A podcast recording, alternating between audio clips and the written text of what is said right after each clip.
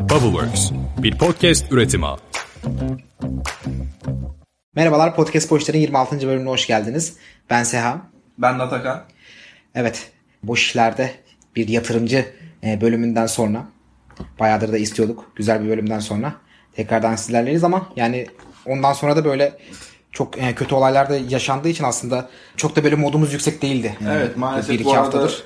yani ülkemizde yaşanan tüm bu acı verici olaylar, Elazığ'da yaşanmış olan deprem, Van'daki çığ sonucunda kaybetmiş olduğumuz e, vatandaşlarımız, işte bir yandan İdlib'de ve genel olarak sınırdaki çatışmalarda kaybetmiş olduğumuz şehitlerimizin hepsini buradan anmak istiyoruz. Tüm sevenlerine hem sabırlar diliyoruz hem de Allah rahmet eylesin demek istiyoruz. Umarız bu tarz olayların tekrarı yaşanmaz. Evet. E, gerçekten üzücü durumlar.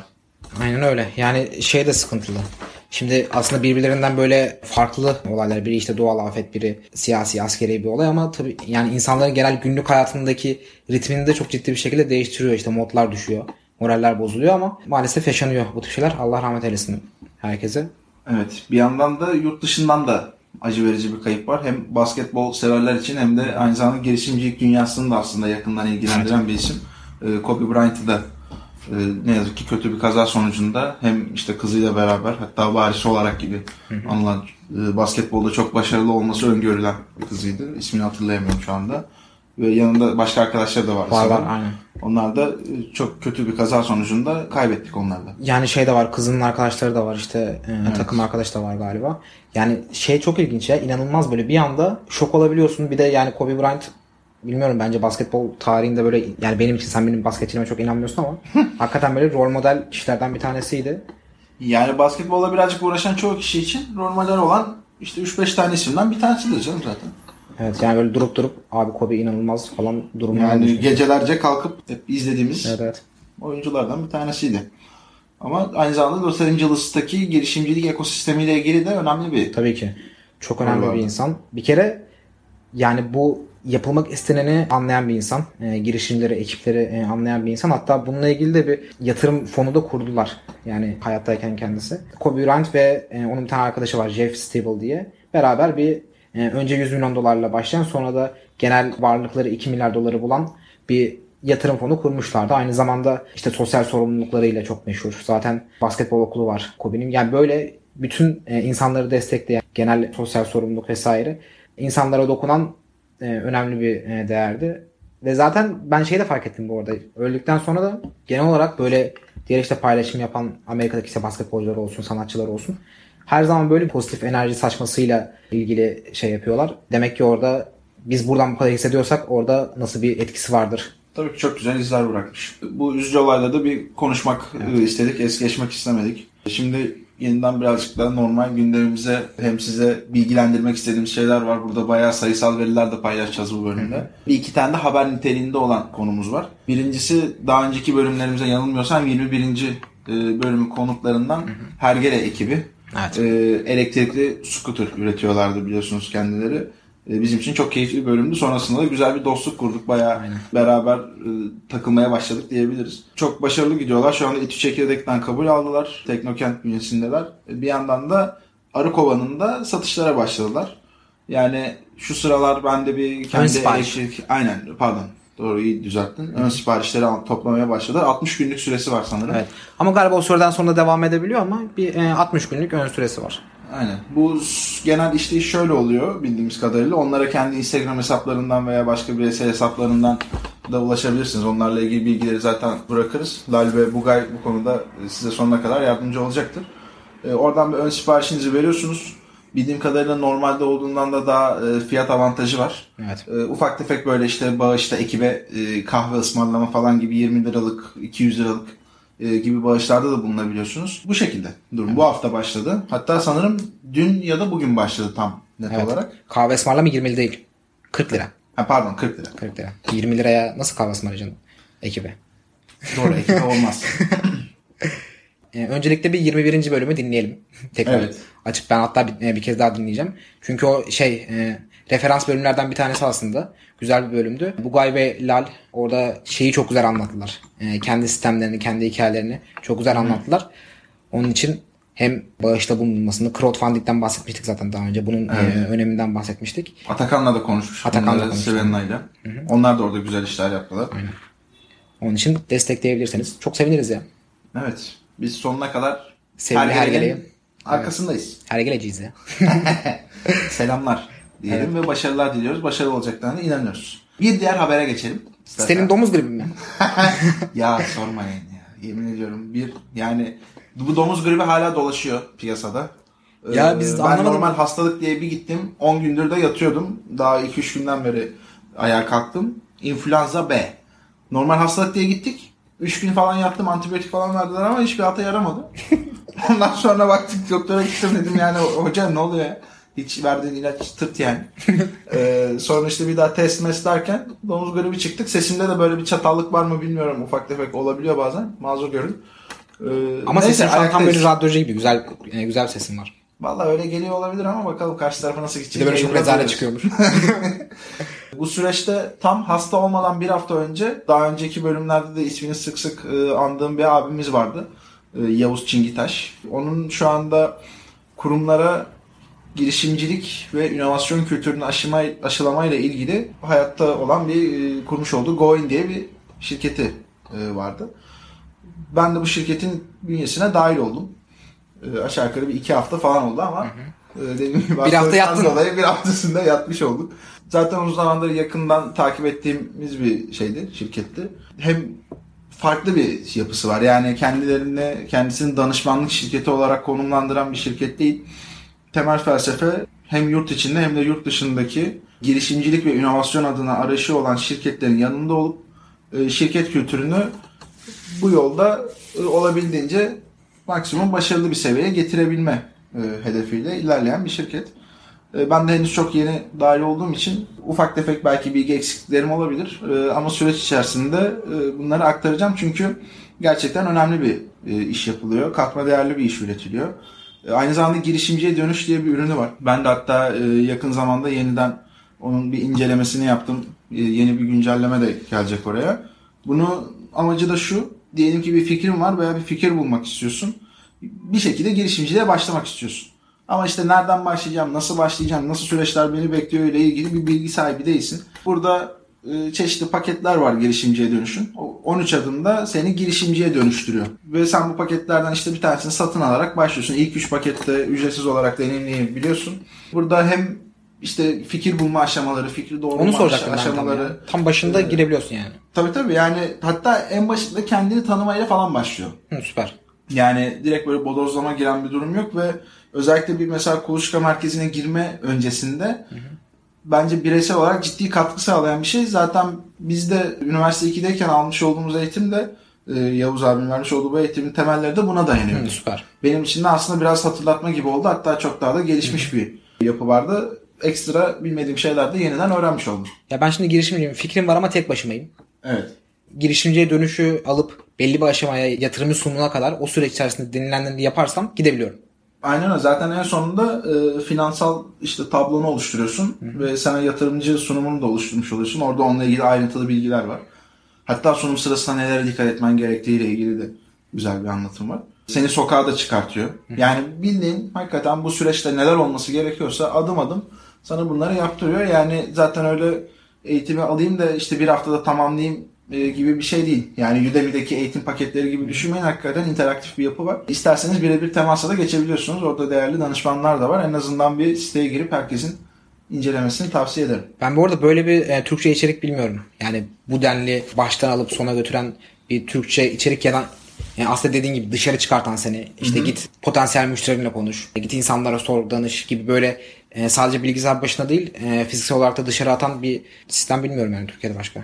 Vallahi şu an için biz de bilmiyoruz. Varsa bilen çünkü ağaç- yönlendirirse de seviniriz yani. E, aslında biraz da mutlu olduğum için söylüyorum. Ya bu o kadar değerli bir şey ki. Yani ben şey hatırlıyorum böyle ilk başladığımızda bir şeyleri yapıyorsun ama aslında o yaptığın şeylerin e, girişimcilik ekosistemin de bir şeyi var. E, karşılığı var. Onun bir e, ismi var. Yani biz diyoruz ki hadi bir e, ufak bir e, ürün yapalım. Hayır o ufak bir ürün değil e, MVP yapalım. Hadi ya bu fikri değiştirelim. Bu fikir beni sarmadı. Aslında o pivot. Yani bunun e, bu tip durumların hepsinin karşılığı var. Ben nasıl uygulama yapacağım? E, şey hatırlıyorum işte böyle kağıda şey yazdığımızı. e, Mockup çizimleri. Mockup çizimleri bilmem ne. Yani e, onların da bir yapım tekniği var. Girişimciye dönüş. Çok ciddi bir zaman kazandırıyor. Çünkü Evet. bizim burada esas girişimcinin derdi e, zamanını e, hızlı bir şekilde eğer o fikir hatalıysa onu hızlı bir şekilde bulması ya da doğruysa e, doğru bir şekilde bulması, iş planını doğru yapması gerekiyor ya. Ama bunu da çok hızlı yapması gerekiyor. Bu tip böyle gerçek kaynaklar inanılmaz değerli yani. Evet. Yani tabii şöyle bir şey de var. Ekipte herkesin bir girişimcilik tecrübesi var. Yavuz abinin de daha önce kurmuş olduğu hatta şu anda halen daha devam etmekte olan başka şirketleri de var. Mesela hamilelere dönük olan e, Alle Hamile isimli bir e, uygulama var. İşte ekipte e, yine çok değerli abilerimiz e, Baran abiyle Yusuf abi var.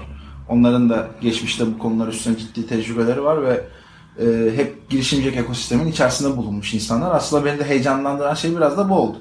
Yani normalde çok fazla bir şirkete gireyim de çalışayım kafasına değildim. Ama buradaki yapı bambaşka. Hakikaten insanlara birilerinin bir şeyler öğretme hedefi var ve bu hedefler içeride de uygulanıyor. Bu değer gören, değer yaratan yapıyı görmek de beni çok mutlu etti. İçinde olduğum için de beni dahil ettikleri için de buradan hem teşekkür ediyorum hem de mutluluğumu bir kere daha paylaşmak istiyorum. Çok fazla şey yapmayalım, dinleyicileri de boğmayalım bu konuyla ilgili. Ee, süreç içerisinde zaten bununla ilgili gelişmeleri e, Aynen öyle. aktaracak olduğumuzu da buradan duyurmuş olalım. Aynen öyle. Hatta belki konuk da alırız yani ilerleyen zamanda. Yani Aslında belki bir şey davet- diyeceğim ama bir zahmet. davet ediyoruz aslında da şöyle bir şey var. Yavuz abi İngiltere'de. Şöyle bir ekipçe toplu artık bizi ağırlarsın sen. Valla ben orada kaç kişi oluruz? İşte senle beraber herhalde 5 Baran abi var. Baran abi, Yusuf abi, Yusuf abi. Yavuz abi, Yavuz abi ben. Bir de sen. Burası, ki- e, ya burası resmen şeye döner ya siyaset meydanına böyle. Mikrofon falan almamız gerekir. Güzel olur. Güzel bir bölüm olur. Faydalı bir bölüm olur bence. Yo bence de kesinlikle. Evet genel giriş özetimiz birazcık uzun sürdü ama e, şimdi an- yeniden normal e, bilgi içerikli Evet. konularımıza istersen sen ufaktan bir giriş yap. Evet giriş yapalım. Ya bu hafta şöyle bir Netflix e, Türkiye'nin Türkiye'deki e, bedava sürümünü, e, ücretsiz sürümünü kaldırması e, haberini gördüm. Onunla ilgili böyle ilk gördüğüm anda zaten bu benim böyle genel olarak çok fazla korktuğum bir şey. İlk e, bir konuyla ilgili ilk fikrim şeyle ilgili. E, Ben de beleşin bitmesi gibi alındım yani sanki. Çok korktuğum bir şey böyle. bak Bu- ağzından beleş diye bir şey çıkacak. Ne kadar Ücretsiz, ücretsiz sürümlerin bitmesi ayıp korktuğum şey. Yok yok yani şey orada. Bir olayı görünce e, insanlar böyle e, İlk komünite- önce bakarım ücretli mi değil mi? insanlar komünite halinde böyle birleşiyor ve e, saldırıya geçiyorlar ya nasıl ücretsiz sürümü iptal edersiniz bilmem ne. Aynı o şekildeydim. Yani nasıl olur böyle bir şey ücretsiz sürümü kaldırmak ne demek bu Türkiye'ye yapılmamalıydı. yani bak e, ilk 10 dakikam böyle geçti. Sonra Sonra yavaş yavaş böyle sakinleşe sakinleşe. Ya oğlum bir dur sen niye herkes gibi atlıyorsun Netflix sonuçta bir bak e, ekosistem falan filan. Bir kendini şey yap belki podcast'te konuşursunuz saçmalama falan diye düşündüm. Hemen böyle e, derin devlete bağlamadım olayı. Sonra bir liste çıkardım. Bunu da senin üzerinde test ettim. Netflix'in e, ücretsiz sürümünü yapan ya da yapmayan ülkeler. Yapanlar yapmayanlar. İkiye ayırdım böyle hatta şeyde yazdım böyle kağıda yazdım yapanları ve yapmayanları işte sağa sola ayırdım. E, Atakan dedim ki Atakan şeyi başlığı kapattım. E, konunun ne olduğunu bilmiyor. Bu ülkeler e, içerisinde Türkiye'nin hangi bölümde olmasını istersin dedim. Atakan bana bir bölümü gösterdi. Netflix'in ücretsiz sürümü olmayan ülkeler. Yani senin aslında istediğin bir şeymiş bu. Sen o ülkelerin arasında olmak istiyorsun. Bir saysana ülkeleri şey olarak. Şimdi çok fazla var da Ya tamam 3-5 tanesinde orada zaten kilit ülkeler var birkaç tane. ya işte Fransa, Belçika, İngiltere e, özellikle bize genelde şey derler ya bir e, uygulama yapıyorsan, app yapıyorsan bak Brezilya bize benzer. Herkes de biliyordur onu. Evet. Oğlum Brezilya benzer. Brezilya bak Meksika. Meksika. Skop- falan da orada Aynen. devam etti çalışmalarına. Ve Brezilya'ya baktım. Brezilya bize benzer olduğu için onlar da e, ücretsiz. Hollanda, İrlanda, İspanya, İsrail, İsrail, İsveç. İsveç, İtalya, İzlanda, Japonya, Kanada, bak Meksika yine bize benzer. Aynıyız yani görsen. Norveç, Danimarka, Finlandiya. Yani bu ülkelerde de zaten e, Netflix'in ücretsiz sürümü diye bir konu yok.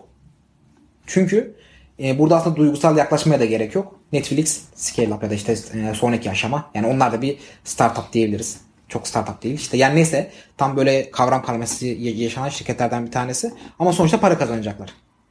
Evet. Ve yani bu tip hamleleri yapmaları çok doğal. Burada herhangi bir yok Türkiye'yi istemiyorlar böyle şey mi olur değil. Yani aslında adam birazcık mantıklı şöyle gibi e, artık oturttuğunu düşündüğü pazarlarda muhtemelen şeyi çekiyor. Aynen.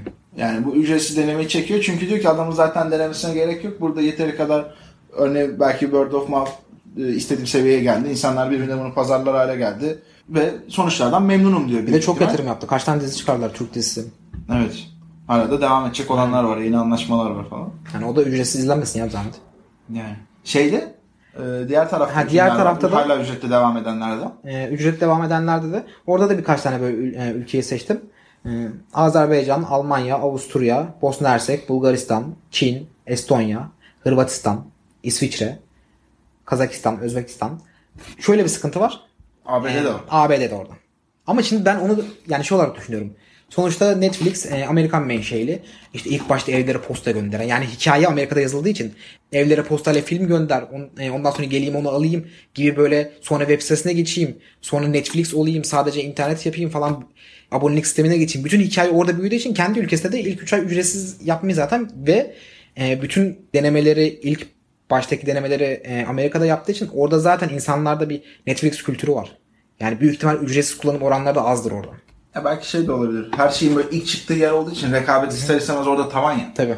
Ee, ve karşısına çıkmaya hazırlanan rakipler de var. İşte mesela Marvel bu sene içerisinde büyük ihtimal girecek yani yayına. Disney Disneyland falan. Disneyland diyorum pardon. Disney Disney, şey, Channel. grubu. Hatta beraber de giriyor olabilir emin değilim. Yani sonuçta karşısına her an ciddi rakipler çıkabilir ve işin ilk başlangıç noktası olan Amerika'yı kaybedersen e, dünyadaki bu işin en azından bizim gibi ülkeler için popülerliğini de birazcık düşürmüş olursun. aynen öyle. Demek ki orada bir şekilde halen daha elinde tutmak istiyor diye düşünüyorum. Yani sırf orada çıktı meselesinden ziyade muhtemelen sadece duygusal olmayan tamamen stratejik olan bir durum da vardır. Ben işte sadece başta şeyi şaşırdım. Yani mesela Çin'de var, Almanya'da var, Amerika'da var. Diğer tarafa bakıyorsun İngiltere, Fransa, Hollanda falan. Demek ki böyle ülkelerin gelişmişlik, kalkınmışlık ya da işte Orta Doğu'da, Avrupa'da, Batı'da, Doğu'da gibi böyle net bir ayrımdan ziyade Ya videoyu tamamen dağınık bir e, oradaki halkın kabul edip etmemesiyle ilgili bir durum var yani. aynen öyle yani bir de şey var işte e, video izleme alışkanlığı, televizyon izleme alışkanlığı e, o kadar çok değişiklik gösteriyor ki yani belki de Çin'de zaten televizyon izleme alışkanlığı çok kısıtlıdır. Yani isterse ilk 6 ay ücretsiz vermeye falan çalışıyor olabilir. Yani bunu bilemiyoruz. Sonuçta bu insanlar da şeyi e, operasyonu yönetiyorlar. Bir yerde kapatıyorlar, bir yerde açıyorlar. Valla ben bunu birazcık bu bilgilendirmeyi biraz topluma hizmet olarak görüyorum aslında. Çünkü sen de suratımdaki sırıtmadan fark etmişsindir. Aklıma bir şeyler geldi. Evet. Ee, bu olay şeye dönüşmesin. Yani bu haber hani sokakta kola dökme etkinlikleri yapılıyor ya. Abi. Netflix'i açıp da bilgisayarı bıçaklamaya çalışanlar falan çıkmasın tamam mı? Ya da e, ne olabilir başka? Netflix reklamı görünce işte televizyona ateş etti falan. hani bunlar şey değil gerek yok. Gerek yok. Öyle. 100 tane Netflix aboneliği aldı. Ama E, her an çıkabilir gibime geliyor böyle haberler. İzlemeyin. Enteresan şeyler var. Ekşide mekşide de dönüyor çünkü böyle şey Ben- enteresan yorumlar. E, bu arada bir itirafta bulunacağım. İtirafta bulunmadan önce de şeyle ilgili de bir şey söyleyeceğim. Bu e, listeleri çıkardım dedim ya. E, o bilgiyi de vermezsem çatlarım. bir de ya bu şeyi görünce, e, ülkeleri görünce zaten bir e, aydınlandım. E, orada m, araştırmacı, e, gazeteci kişiliğim e, ortaya çıktı. Bir de şeye baktım. Netflix'i en çok izleyen ülkeler sıralaması ilk 10. Onun da bir listesini, e, listesini çıkardım. Birinci sırada Amerika Birleşik Devletleri var. Tamam dedim hadi bunu es geçtim. İkinci, üçüncü işte e, 9'a kadar e, olan bütün ülkeler Netflix'te ilk 3 ay ücretsiz kampanyası yok. O ülkelerde işte Norveç, Danimarka, Finlandiya, Kanada, İsveç, Hollanda, İngiltere, Avusturya, e, Avustralya. Bunlar zaten Netflix'i çok fazla izliyorlar. Netflix yani burada şey ortaya çıkıyor zaten para isteği yani e, şirketin para kazanma isteği e, ortaya çıkıyor ki bu çok doğal yani e, eleştiri Evet. anlamda söylemiyorum. O tip ülkelerden kaldırıyorlar. Bu kadar basit. Bir şey var. e, Almanya var. O da 9. sırada kalmış. Onun e, hala ilk 3 ay ücretsiz var orada. Onu da Var- yakında vardır, alırlar. vardır. Yakında Almanya'dan da o şey kalkınca benim tezim doğrulanacak. Bir tek Amerika kalacak. Onu da zaten anlattık. İnşallah bu ilk bölümlerde yaptığın yatırım tahminleri gibi patlamaz da. Neyse. Ee, çok çok çok veri var. İstersen devam edelim. Evet bence. devam edelim. Sonra kafa karışıklığı olmasın. Tamam Netflix konusunu Netflix bitirdik. Aa, ben bir itirafta bulunacaktım. Biz Ha. bir kere Netflix'ten e, öğrenci evimizin ilk zamanları e, ban yemiştik. Çünkü ilk 3 ay ücretsizdi. Bence haklılar ya. Türkiye'ye vermemeleri lazım. Bence de. ne yapmıştık? Bir senin bilgisayardan ilk 3 ay Aynen. değerlendirdik. Sonra hop benim bilgisayara geçtik. Sonra başka arkadaşın derken üçüncüde patlattılar bizi. Patlaya patlaya gittik yani. Sonra bir daha belimiz doğrulmadı. Şimdi seve seve para veriyoruz. Yani sen veriyorsun ben seninkini kullanıyorum falan. Neyse ama bak söylemeyecektim de ben. Ben Atakan'ın Netflix bursu. Şimdi bir diğer olay da girişimlik. Yine eko- Bugün herhalde 20 kere falan girişimcilik ekosistemi dedim. Evet. Başka kelime bilmiyorum galiba ya. ya bu haftanın bir diğer olayı da Startup Watch'un Serkan Ünsal'ın kurucusu olduğu Startup Watch.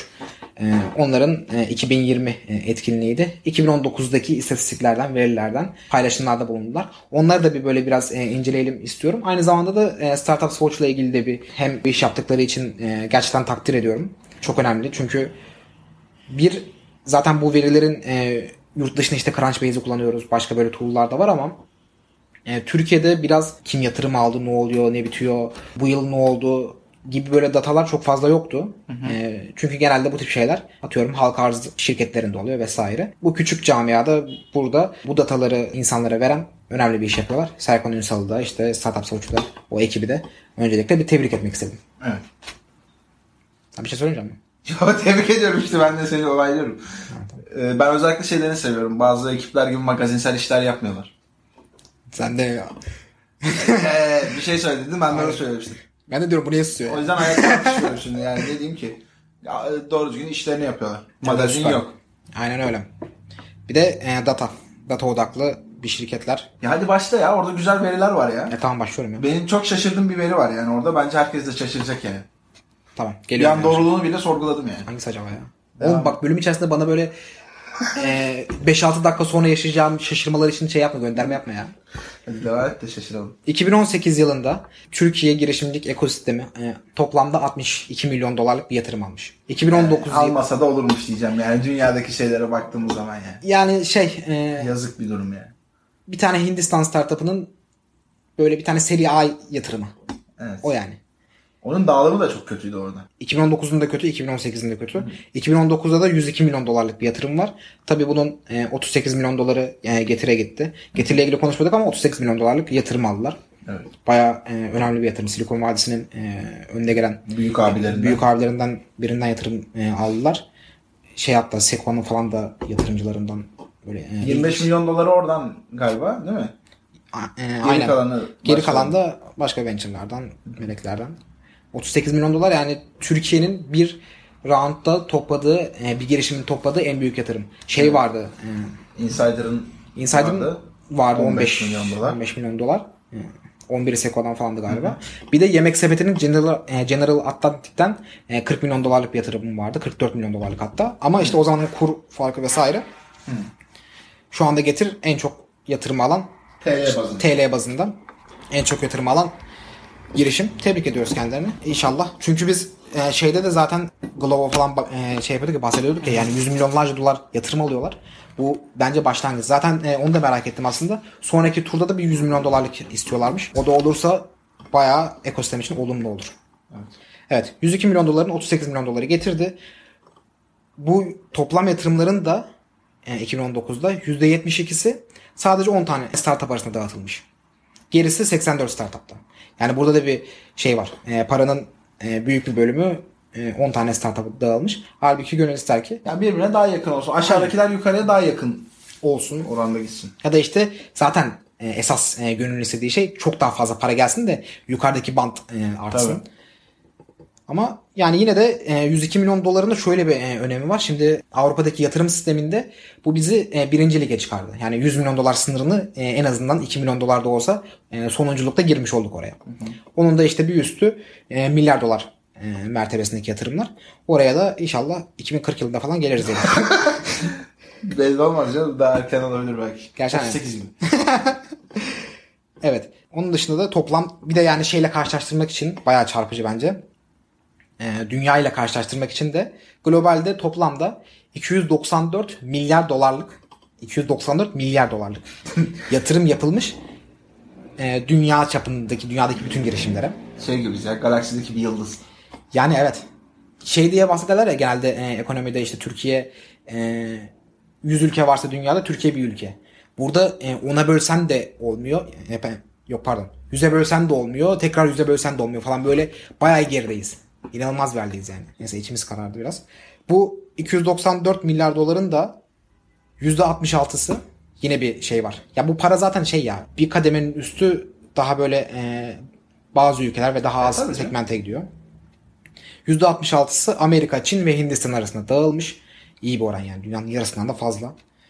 124 milyar dolar Amerika 53 milyon e, milyar dolar Çin, 16 milyar dolar Hindistan. Hindistan da inanılmaz ya. Yani insan Hindistan'a bak sen ya diyesi Evet. geliyor ama şaşırmıyorum tabii uzun zamandır adamlar ciddi işler yapıyor. Baktığın zaman Google'ın bile CEO'su Aa evet. Hintli yani. Hintli aynen. Hintli bu arada çok CEO var. Geçen öyle bir yazı okudum. Yani aklına gelebilecek böyle şirketlerin garip garip şeylerinde C-level'lardan çoğu Hintli oluyor. Çok ilginç. Dünyada böyle bir şey var, sıkıntı var yani. E, para e, Amerika'ya akıyor. Ama Türkiye'de geri dönüp baktığımızda ne oldu? Bizim de boş işlerde e, sıkça bahsettiğimiz 3 tane exit'imiz oldu. EasyCo, Foribab ve Paraşüt. Bu 3 tane exit ve 2019'un sonlarına gören e, sonlarına doğru gelen yatırımlar aslında biraz e, umut verdi bize. Bir de şöyle bir şey biliniyor. E, bir 200 milyon dolarlık total e, fon daha şu anda geziyor. Yani belki bilmediklerimiz de vardır. E, önümüzdeki 2-3 yıl içerisinde ekosisteme bir 100, e, 200 milyon dolarlık giriş yapılacağı da zaten biliniyor. İnşallah daha da çok gelir. Yani ben bir 300-400 falan böyle bekliyorum. İnşallah. 2-3 yıl içerisinde. Güzel işler olacak gibi. Tabii tekrar şeyi düşünelim. Dünyayı çok çok gerideyiz. Evet. Bir diğer data da şu. Türk kurucuların yurt dışında kurdukları girişimler 102 milyon dolar Türkiye'de e, alınmışken Türkler yurt dışında ne yapmış? Toplamda 213 milyon dolarlık yatırım almışlar. Yani zaten burayı İki katından ikiye biraz fazla. aynen katlamışlar. Bunların içerisinde de e, tanıdığımız e, isimler var. Carbonelt, e, Udemy'nin e, Eren Bali'nin. Eren Bali ve Firefly var. Firefly'da şimdi kurucuların isimlerini unuttum ama e, yaptıkları işi biraz anlatayım ben. Anlat anlat. Biz Firefly- hatta onu sanki konuşmuş muyduk diye düşündüm şimdi ama. Anlatayım mı sana hikayesini, konuştuğumuz hikayeyi? Biz onu konuştuk konuştuk. E, kaçıncı bölüm? mi konuştuk? Yok hayır konuştuk. Ses kayıt almadı. Bir tane bölümümüz var öyle. He, doğru. 5-6 kere falan denedik. Doğru doğru. Firefly'dan bahsedeceğimiz kısım kaynadı orada. Evet bence kısaca bir bahsedelim. Kısaca bahsedelim. Orada enteresan işler yapıyorlar çünkü. Evet. Firefly şöyle Silikon Vadisi'nde Uber'lerin e, üzerine bir cihaz yapıyorlar. Böyle e, reklam panosu gibi. Bu e, ama sadece ilk akla gelen e, ya bu insanlar reklam verecek? e, Gelir modeliniz bu mu gibi bir şey değil. Akıllı şehir. Belediyelere işte bir tümsekten geçiyorsun. Belediyeye bildirim gönderiyor. Çok inovatif bir iş. E, işin gelir modelinde tabii ki reklam da var ama belediyelerle işte kurumlarla birlikte de çalışıyorlar. Birlikte çalışıyorlar. Zaten işi teknolojik yapan da bu e, datayı değerlendirmek, e, şehri nasıl daha fazla e, akıllandırabiliriz'i hesap etmekten geçiyor. Geçenlerde onlar da çok yüksek bir yatırım aldı ya. 50 milyon dolar falan diyesim geliyor. 38 milyon dolar da olabilir. Bayağı yüksek bir yatırım aldılar. Şu anda Silikon Vadisi'nde devam ediyorlar. Bu bana şeyi hatırlatıyor. Yani bir şehirde e, böyle çok fazla konuşuyoruz ya akıllı şehircilik nedir? E, ne yapılabilir bu konuyla ilgili? Girişimler ne yapabilir? Yani Yine- bazı belediyelerin de Evet. bayağı gündeminde ona da değineceğiz zaten. Aynen. Şeyde e, İstanbul Büyükşehir Belediyesi'nde de var zaten şu anda Tek İstanbul diye bir e, oluşumları var. Oraya girişimleri çağırıyorlar. Sen diyorlar eğer ya bu kentin sorununu çözebilecek ürün, bu kentin sorununu çözebilecek ekip sensen ve bu teknolojiyi sadece buraya da değil, İstanbul'a da değil, başka büyük şehirlere, başka bu tarz sorunları olan şehirlere e, satabilir misin e, derdindeysen, katma değer düşüncen varsa İstanbul Büyükşehir Belediyesi gelin diyor. Bize başvurun diyor. Tek İstanbul. Eğer böyle bir fikriniz varsa yani zaten işiniz buysa e, gidecek bir yer bulamadıysanız bence hem e, ürünü test etmek için bu arada sitede e, o da yazıyordu. Ben biraz siteyi inceledim. Yani girişimin en büyük olayı e, test etmek ya. Evet. İBB diyor ki gel burada test et. Başka bir e, iyi test yeri bilmiyorum. Evet. şehircilik. Yani bir de benim orada çok hoşuma giden bir şey oldu. Şimdi hava atmak için söylemiyoruz yanlış anlaşılmasın. Ee, ama direkt kuluçka merkezlerine gidip ya bizim böyle böyle planlarımız var ve bu planlarla kesişen acaba girişimler var mı? Varsa halihazırda bizi onlara yönlendirir misiniz mesela diye bir talepleri olmuş. Ee, İç çekirdeğe de mesela gelmişler. Orada da birkaç tane startup yönlendirdiler. Ee, sağ olsunlar onun içerisine e, bir ara location intelligence, geofencing gibi konularla uğraştığımız için bizi de dahil etmişler. Ee, biz henüz o görüşme fırsatını şey yapamadık, yakalayamadık ama tamamen bizden kaynaklanan bir durum. Ee, bizim bir hazır olma işimizle ilgili bir problem var orada. Ciddi arıyorlar yani. Evet. Yani şey gibi değil. Biz bir program açtık. Hadi başvurun. Ee, başvurunca işte bir ay içerisinde size bir geri dönüş yapacağız. Sonra gelin sunum yap falan filan böyle e, salla parti yapmış olmak için değil. Hakikaten arıyorlar yani. Evet sadece web sitelerinde kalan bir olay değil yani. Evet. hakikaten o dediğini duymasaydık yani gelip bizzat kuluçka merkezlerinden böyle bir talepte e, bunu duymasaydık bir yine soru işareti olabilirdi ama bu Evet. ciddi değerli bir olay. Aynı zamanda zaten şey de yaptılar. E, İBB e, açık veri portalını paylaştı. O zaten inanılmaz bir olay. Yani bu değerden ölecek falan bir olay. ya. Evet bence de. Yani cidden şey yapamıyorum. Kelimelerle anlatamıyorum olayı. Çünkü yani bunu şu anda bir iş kuran e, girişimci e, insanlar sunum yaparken olabilir. E, kendi fikrini doğrularken e, olabilir. Ya kaç tane hane var bunun içerisinde kaç tane insan var? E, kaç kişi evli? Kim boşanmak istiyor? Ne oluyor ne bitiyor? Ya bunları e, o kadar çok soruyoruz ki. Tabii canım. Çünkü o sunumda ve kendimize ispatımızda, e, ürünü ispatta onları bilebiliyor olmamız lazım. Ben şey hatırlıyorum ya biz bir kere bir e, sunumu hazırlanırken bir datayı arıyorduk. Platformda vardı. 9000 dolardan satıyorlardı sanırım e, üyeliğini. Sonradan Evet. sen bir pazarlığa gelişin onlarla. Startup'ız şöyleyiz böyleyiz. Zaten sadece şuna ihtiyacımız vardı falan filan. Baya böyle tam Türk işi bodozlama girdik konuya. Adamlar geri dönüş yaptı. Ne kadar? 1000 dolar mı Bin, indirmişti? bin dolar indirmişler. Ama ben yani şok oldum. Bir de Türkiye'de alışmışım. Ee, insanlara gidiyorsun işte biz startup'ız. gidip diyoruz ki ya Pelin Hanım bize e, şey verebilir misiniz bir şöyle bir iki aylık üç Aynen. aylık ya diyor ayıp ediyorsun üç aylık vereyim bir de sonra ben tekrar istiyorum bir üç aylık daha veriyorlar falan. Onu hatırlıyorum. Sana 6 ay bana 3 ay vermişler. Neyse. de. ya işte yani e, adamlar çok ilginç. Şeyde New York merkezli bir yer ve bunu bu kadar ciddi paralara satıyorlar ya. Çok bir startup Yani bunu hakikaten alamıyor olması o yüzden. İBB'nin yaptığı bu data paylaşımı çok sağlam bir şey. Kesinlikle. Katılıyorum. Evet. İBB konusunda şu anda kapattık. Tekrardan bu arada şeyden geldik buraya. Firefly'dan geldik. E, Evet. Startup Solution'un e, verilerini yorumluyorduk. Tekrar geri dönüş yapalım oraya. Ee, bu e, hemen bir tane antiparantez açayım. Bu akıllı şehircilik çalışmaları ile ilgili bir şeyler yapmak isteyenler varsa hakikaten Firefly'ın nasıl çalıştığını bir incelesinler. Kesinlikle. Ee, şu an Türkiye'de yapılmayan şeyler yapıyorlar. Ee, buradan birilerine bir şeyler çıkabilir. Birazcık zor teknolojiler sadece. Hakikaten location intelligence denilen olay ciddi bir olay yani. Aynen. Ya ben olsam mesela eğer öyle bir işte e, uğraşıyorsam Firefly'in kurucusuna mail yağmuruna falan tutmuştum yani. Bir de yani girişimcinin şey olması lazım. E, istekli olması lazım ama kıvamında. Yani insanları da bezdirmeden sonuna kadar gidip bu işi daha önce yapmış insanlarla konuşurdum yani. Evet. Bir şekilde. Keşke akıllı şehirlerle ilgili bir fikrim olsa da yapsam.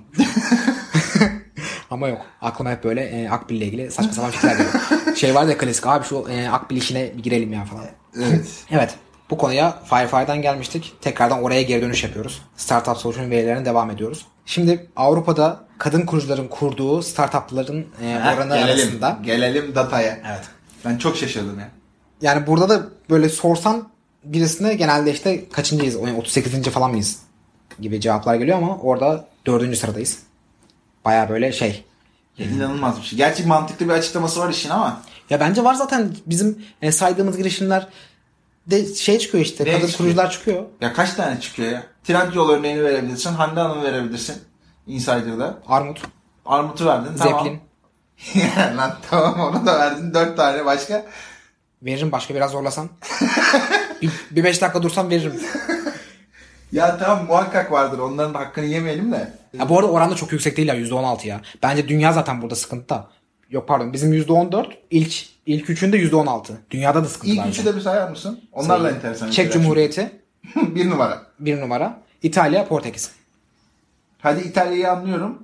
Portekiz de enteresan. İngiltere'deki bu kadın düşmanlığı anlamıyorum. Yani enteresan.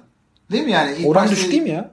Ya oran düşük de dünyadaki bu seviyede Türkiye'nin yer almış olduğu konum enteresan değil mi? Dördüncülük ne demek ya? Ya bu- Türkiye şu an neyde dördüncü Allah aşkına olumlu konularla ilgili?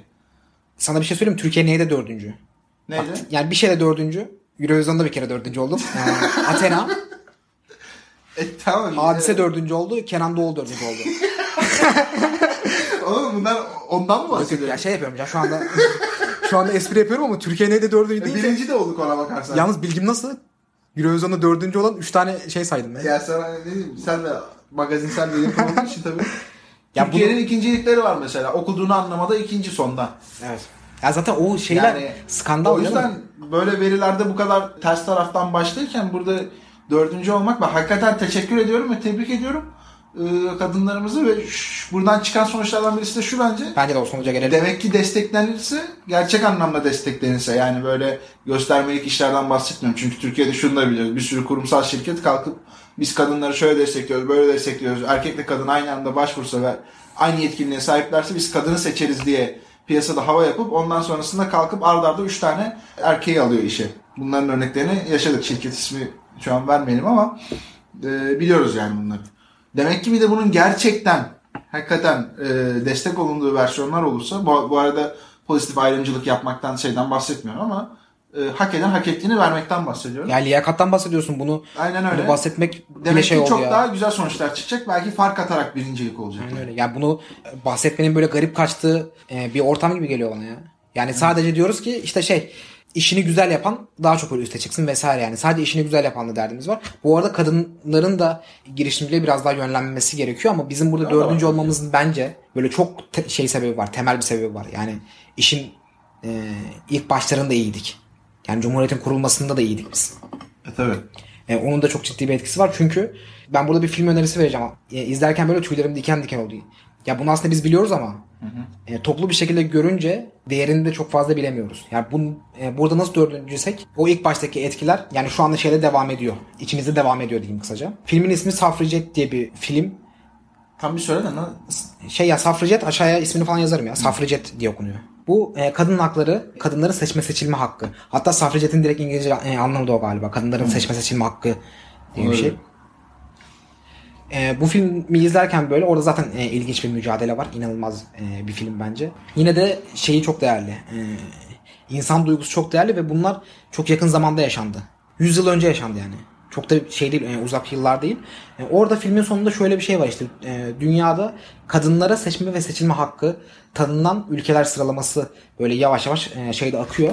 Ya bizden önce böyle e, çok da fazla e, ülke yok işte. Norveç var, Yeni Zelanda var, Avusturya var, Polonya var, Amerika var. Orada e, ondan sonra da hemen biz geliyoruz. Türkiye 1934 yılında. Beni en çok şaşırtan e, kısım da yani Türkiye'nin 1934'te olmasına şaşırmıyorum. Niye olduğunu biliyorum. Sebeplerini biliyorum. Ve e, çok da minnettarım bu kadar erken bir sürede. Bu şekilde aksiyon şekilde alan olması- Cumhuriyet'in kurucuları başta Mustafa Kemal Atatürk Aynen. olmak üzere.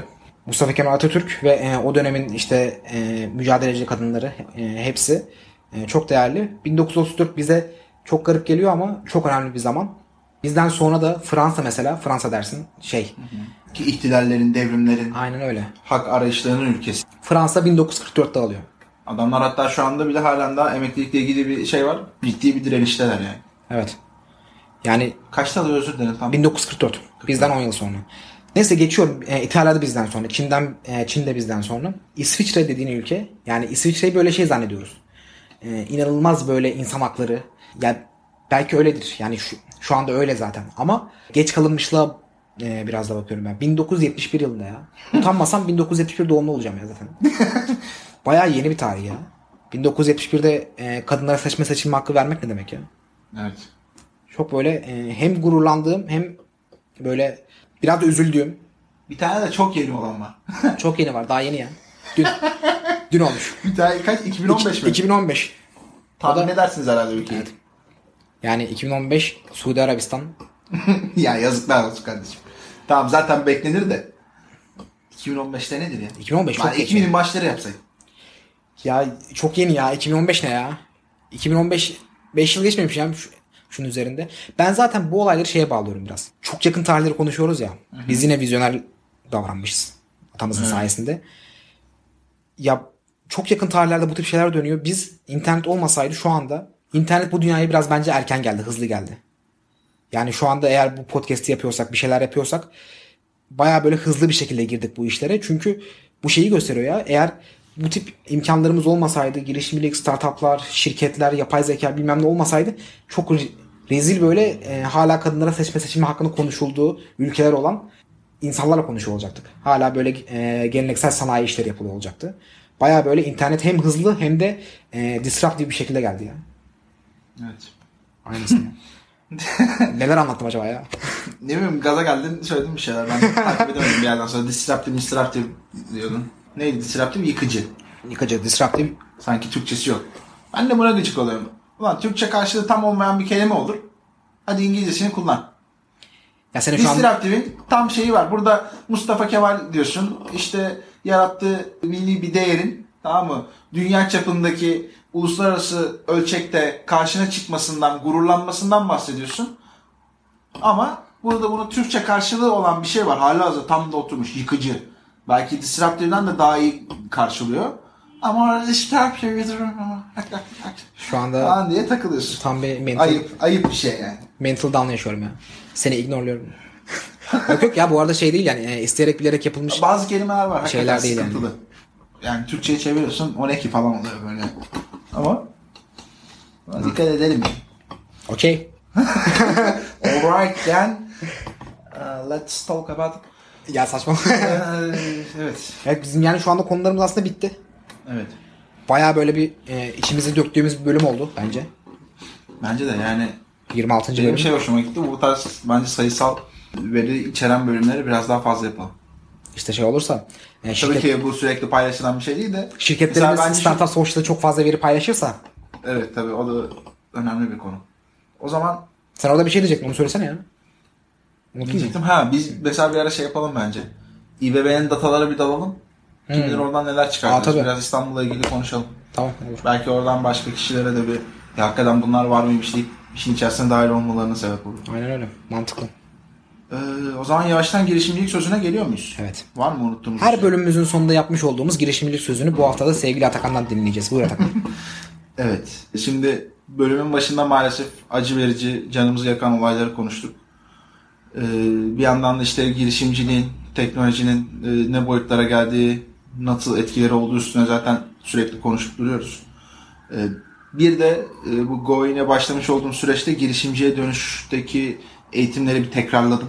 Hem sisteme birazcık daha ısınmak adına hem de orada yapılacak yenilikler vardı. Onlarla ilgili çeşitli çalışmalar yaptık da orada aslında benimsediğimiz, farkında olduğumuz ama günlük hayatımızdan birazcık çıkarttığımız bir e, kavram vardı. Girişimcilikteki işte fikir bulma aşamaları ile ilgili. E, fikir bulmak e, tabii ki böyle düşünüyorum, ediyorum, hadi nerede ne yapsam falan Geliyor, geliyor. Ya öyle basit bir mevzu değil. İlk önce algılarınızın açık olması gerekiyor. E, bunun ardından da hakikaten beyni besleyebilmek gerekiyor ki o algıların açıklığı doğru noktalara temas edebilsin ve sen de problemleri doğru bir şekilde görebil. Ee, bu problemlerde şu demek oluyor aslında. Bir yerde insanların yaşamış olduğu acılar var. Tamam mı? Ee, veya sistemlerin yaşamış olduğu, şirketlerin yaşamış olduğu, bir şeylerin kötü gitmesine sebep olan acılar var. Ee, bu maalesef işte Van'da mesela yaşamış olduğumuz örnek deprem birazcık sıkıntılı bir konu. Gerçi onunla ilgili de bir e, gelişme var. Birazdan onu da söyleriz unutmadan da. E, bir yerde bir çığ vakası yaşanıyor. Oraya giden kişiler de tekrar kurtarma amaçlı giden kişiler de tekrar çığdan dolayı hayatlarını kaybediyorlar. E, belki de drone teknolojileri çok daha ilerlemiş olsaydı veya şu an düşünmediğimiz teknolojiler var olsaydı e, çok daha farklı e, kıyafetle ilgili giyilebilir teknolojiler diye adlandırılan konular daha ilerlemiş olsaydı, ne bileyim IoT ile ilgili çok daha hızlı haberleşme ile ilgili çalışmalar olsaydı e, böyle felaketler yaşanacak ama kayıplar verilmeyecek. Çünkü doğayı durdurmak gibi bir şansımız da yok. Yani yaşanmasını beklemenin hiçbir anlamı yok ya. Aynen öyle. Demek ki acılara temas etmemiz gerekiyor. Sonucunu buradan çıkartıyoruz. Ve günün sözü de şu oluyor. Girişimcilik acılara merhem olmaktır Evet. diyoruz. Yani buradan e, fikir geliştirme aşamasında olan arkadaşlara ya da ben de bir şeyler yapayım ama sadece ben para kazanayım amacıyla bu işin zaten olmayacağını biliyoruz. Güzel bir acı bulursak arkadaşlar ve bu acıyı da dindirecek doğru yolu bulursak e, bu iş zaten parayı bize getiriyor. Gördüğümüz örneklerde insanların gözü onu bile görmüyor. Çünkü zaten o orada halihazırda akan bir kaynak haline dönüşüyor para. Orada yapmış olduğunuz işin tatminkar, tatminkarlığı çok bambaşka bir boyutta güzel bir sonuç ortaya çıkartıyor. Aynen öyle. Bence e, süper bir girişimcilik sözü oldu. Çünkü çok gerçek. Ben de şeyi söylemek istiyorum. E, fikir bulmaya çalışırken aslında kendi acılarınızı böyle düşünmeye çalışın. Çünkü genelde böyle başarılı kurucuları gördüğümüz zaman kendi acılarını çözen insanlar oldukları için yani bir şekilde böyle çok e, duygusal bir işte olsa, çok e, parasal bir işte olsa, çok teknolojik bir işte olsa e, kendi acısını çözen e, insanlar oluyor.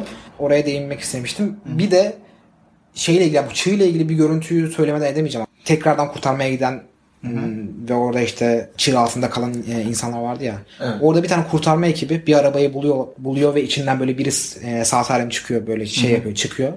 E, bir videoda görmüştüm. Ve inanılmaz bir şekilde insanlar böyle hengame ses şeyi çığlıklar atılıyor. Ya bir kere orada zaten e, öyle riskli bir yerde çığlık atmanın anlamını da anlamıyorum. Bir kez O daha çığ anın- düşecek. O anın vehametiyle olabiliyor işte. İşte aslında bu e, eğitimsizlik. Yani bu işte tam girişimcilikle ilgili e, anlatıyoruz. Orada da e, merhem olacak e, çözümler bulalım ama bizim o tip bir ortamda bağırılmaması gerektiğini çığ dediğin zaten sesten düşüyor. Ya da Ya işte, bu işte ama depremle ilgili de öyle. Yani işte Japonya'da deprem oluyor, tek ölen Türk oluyor. İşte adam gitmiş balkondan atlamış. aynen öyle. Bu tarz durumlar var. Bu maalesef var. Eğitimin önemi var. Ama bence burada insan faktörünün hakikaten ortadan kalkması gereken alanlar Kesinlikle. arama kurtarma işleri. Kesinlikle. Bununla ilgili bir ara etüde çalışan bir ekip vardı ama sonradan istedikleri destekleri alamadılar. Birazcık da öyle bir şey ki devletin e, elini uzatması gereken konular bunlar. E, umarız bu belediyelerde yapılan çalışmalar e, diğer kurumlara da güzel örnek teşkil eder.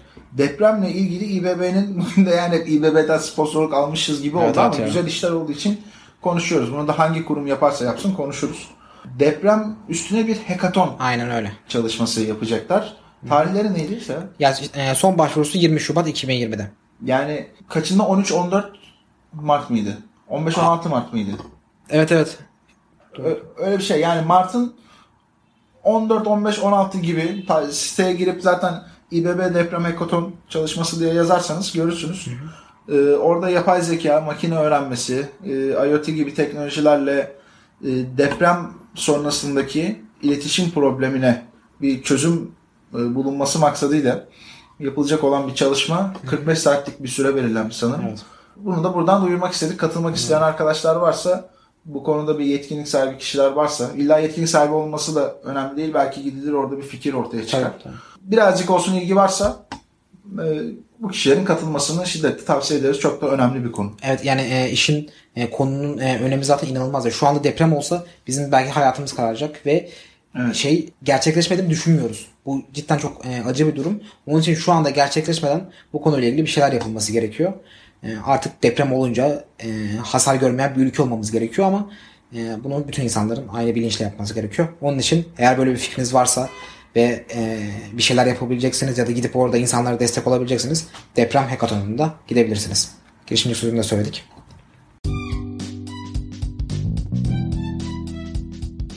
Podcast Boşlar'ın 26. bölümünü bitirdik şu anda. Evet. Kapanışı yapıyorum. Yap bakalım. Podcast Boşlar'ın 26. bölümünü dinlediniz. Bizi dinlediğiniz için çok teşekkür ederiz. Ee, Podcast Boşlar Instagram ve Twitter hesaplarımızdan bizi takip edebilirsiniz. Apple Podcast'ten de yorumlarınızı bekliyoruz. Ayrıca e, YouTube'a da bütün bölümleri yükledim. Zahmet oldu ya. Bunu sonunda başardım. Sanki dün başladık ya bu işe. Hayır orada e, güzel olmasını istiyorum. E, ondan dolayı. E işte bak, e, insanlara anlatıyoruz. Hızlı başlayın, hızlı yapın ama kendinde böyle bir yavaşlık var işte. Gerçi ama şey bilgisayarın etkisi de vardı. Evet, bir bilgisayar- canavar gibi bilgisayar edindi. Bombastiko. İsmini verdim ona. Bizi dinlediğiniz için çok teşekkür ederiz. Haftaya görüşmek üzere. Görüşmek üzere. Kendinize iyi bakın.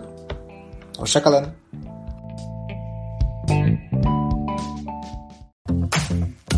Bubbleworks bir podcast üretimi.